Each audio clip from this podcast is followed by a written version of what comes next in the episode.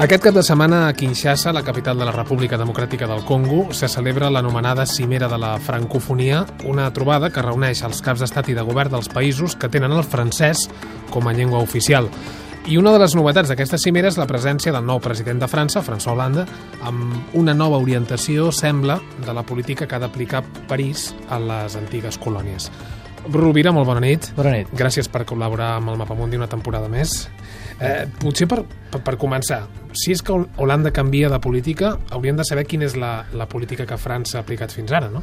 S'espera un canvi radical, eh? S'espera, ell mateix ja fa dies que ho va anunciant i inclús aquesta setmana ha fet unes declaracions terribles contra el govern de, del Congo, de Kinshasa, contra Kabila, que ha parlat de que no es respecta l'oposició, que, no, és un, que no, és, no té legitimitat, etc. No? I és el que l'ha d'atendre, perquè el dissabte es presenta a Kinshasa, no? o sigui que hi haurà un ambient caldejat. No? El canvi de política es veu bastant important perquè jo penso que els francesos, almenys aquest govern, ha anunciat que es tancarà una època a la qual la, la, la, la, la, o sigui, la política francesa a l'Àfrica es basava bàsicament amb els negocis, no? amb aquesta idea, el que en deien la realpolitik, i que a més a més hi ha hagut un, un gran augment amb tota aquesta història de les empreses protegides que estaven allà i tal i qual s'han fet aquests negocis bruts, no? de corrupció als estats, dificultat perquè la gent sigui, decideixi sobiranament el, el, la construcció política del país, etc. I això és el que ha passat fins ara en França, en, en molts països. Eh? Uh -huh. Sarkozy no va fer més que allargar aquesta política on hi havia, eh, bàsicament treballava pels, seus grup, pels grups empresarials per poder poder fer inversions a l'Àfrica, no? I tot això és el que s'ha vingut a dir la France Afrique, no? que és, té com, és una, com un terme que quan ho dius a l'Àfrica és com un terme mafiós, no? Uh -huh. que consistia doncs, en aquesta política de suborns i també de finançament dels partits polítics francesos a través de la corrupció. No? I això inclús el Mitterrand, quan va arribar a l'Elisi, ho, va, ho va continuar. No? -huh. Aquell ministre que tenia, que li deien Messi Fric i tot això. No?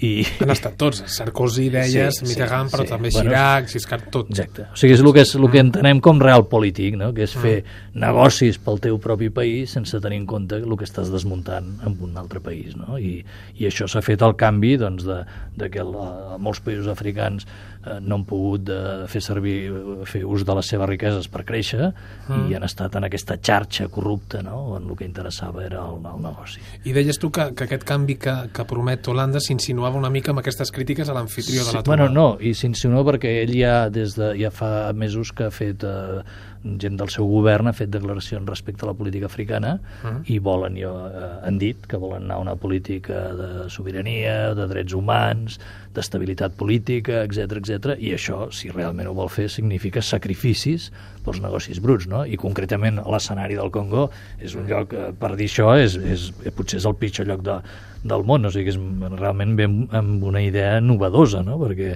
normal, saps que el Congo és un país que porta doncs, des de, que, de l'època del Zair i amb el genocidi de Ruanda, etc que porta ja una guerra llarguíssima, una inestabilitat molt forta, en aquest moment inclús ara, en aquest moment hi ha guerra a, a la zona est, etc el, el Kivu, anar amb aquesta política en un país que precisament està molt marcat per l'explotació dels recursos eh, amb un preu que és eh, la pobresa de la, de la població, doncs a mi em sembla que pot ser, tinc, pot ser interessant. Tinc, no? tinc entès que, que té la, la intenció François Hollande de reunir-se amb l'oposició de Sí, el primer Congo. hi va només el dissabte i ha dit que es reunirà amb l'oposició i, la, i pot haver-hi follon a, a Kinshasa. Això al Kabila no li farà cap gràcia. No, no, però el Kabila eh, hi ha dubtes seriosos sobre la legitimitat de les eleccions del 2011, no? Uh i ja saps que el Kabila aquest va arribar al poder d'una manera estranya perquè és el fill de Desiree Kabila que és el que va arribar fent traient a Mobutu del poder no? i el 2001 va ser assassinat llavors el seu fill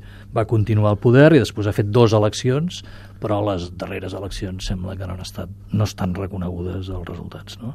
I ell ja ho ha dit, l'Hollande ho ha dit. Eh, això. També ha dit una altra cosa importantíssima, que és que la guerra aquesta que hi ha a l'est del Kivu, que és una guerra amb ingerència estrangera, que això dit d'aquesta manera no donant noms, però vol dir que Ruanda, tothom sap que Ruanda està aprofitant l'extracció de minerals i tal, i és un exportador de minerals que agafen al Congo, no? que és un altre tema. I el tercer tema important de, del moment polític, diguéssim, seria la guerra de Mali, no? aquesta ocupació tuareg del nord de Mali, que també n'hauran de parlar, no? encara que la francofonia és més aviat un terme cultural, de promoció de la llengua i tal, també contempla la lluita per la democràcia pels drets humans, no? de manera que hauran de parlar de la guerra de Mali, i què en pot sortir, què, què poden dir de la Guerra de Mali? Bueno, la Guerra de Mali, a l'Assemblea darrera de Nacions Unides, es va dir que s'havia de fer una intervenció, per treure tota aquesta gent que hi ha en aquest moment, que hi ha una barreja de jihadistes amb... amb... Recordem-ho, és la, la part nord del sí. país ocupada des de fa aproximadament mig any, eh? Sí, que van, ah. diguéssim, per culpa de quan va caure Líbia, van arribar els, els tuaregs amb armes i això es va barrejar amb els grups jihadistes que ja, ja vivien en aquesta regió, són els que feien els segrestos i tot això, i tot aquest conglomerat va, va fer una guerra que van proclamar la independència de tota la part nord d'aquesta guerra, el, el que és el Tuareg laic, aquest ha quedat fora del, del control polític, o sigui, els tuaregs aquests que, que tenien un projecte d'independència però que era una societat laica, aquests estan fora i ara queda el que és la part aquesta religiosa de la jihad, no?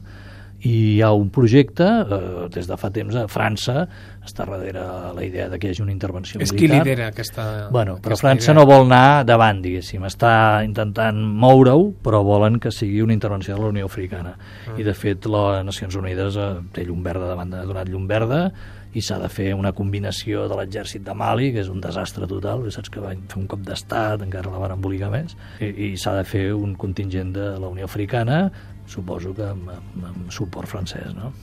Doncs avui amb en Bru Rovira hem parlat d'aquesta cimera de la francofonia que es fa a la República Democràtica del Congo. Aquest cap de setmana hem parlat doncs, del Congo i hem parlat de Mali. Em temo que de Mali en les propers mesos no de, Jo de crec que n'haurem de parlar tot l'any perquè és evident que hi ha aquesta sensació no, de que de que la, la regió aquesta del, del Sahel, d'aquesta regió Tuareg, s'està convertint en una, en una terra de ningú on hi ha tots aquests grups refugiats. En aquest moment hi ha molts jihadistes que venen de Nigèria, que venen de Somàlia, no? I, i això és una cosa que és una, desestabilitza realment tota la regió. No? Però Rovira, eh, moltes gràcies. Tornem a parlar de Mali o del que sigui d'aquí 15 dies. Gràcies a bona vosaltres. Nit. Bona nit.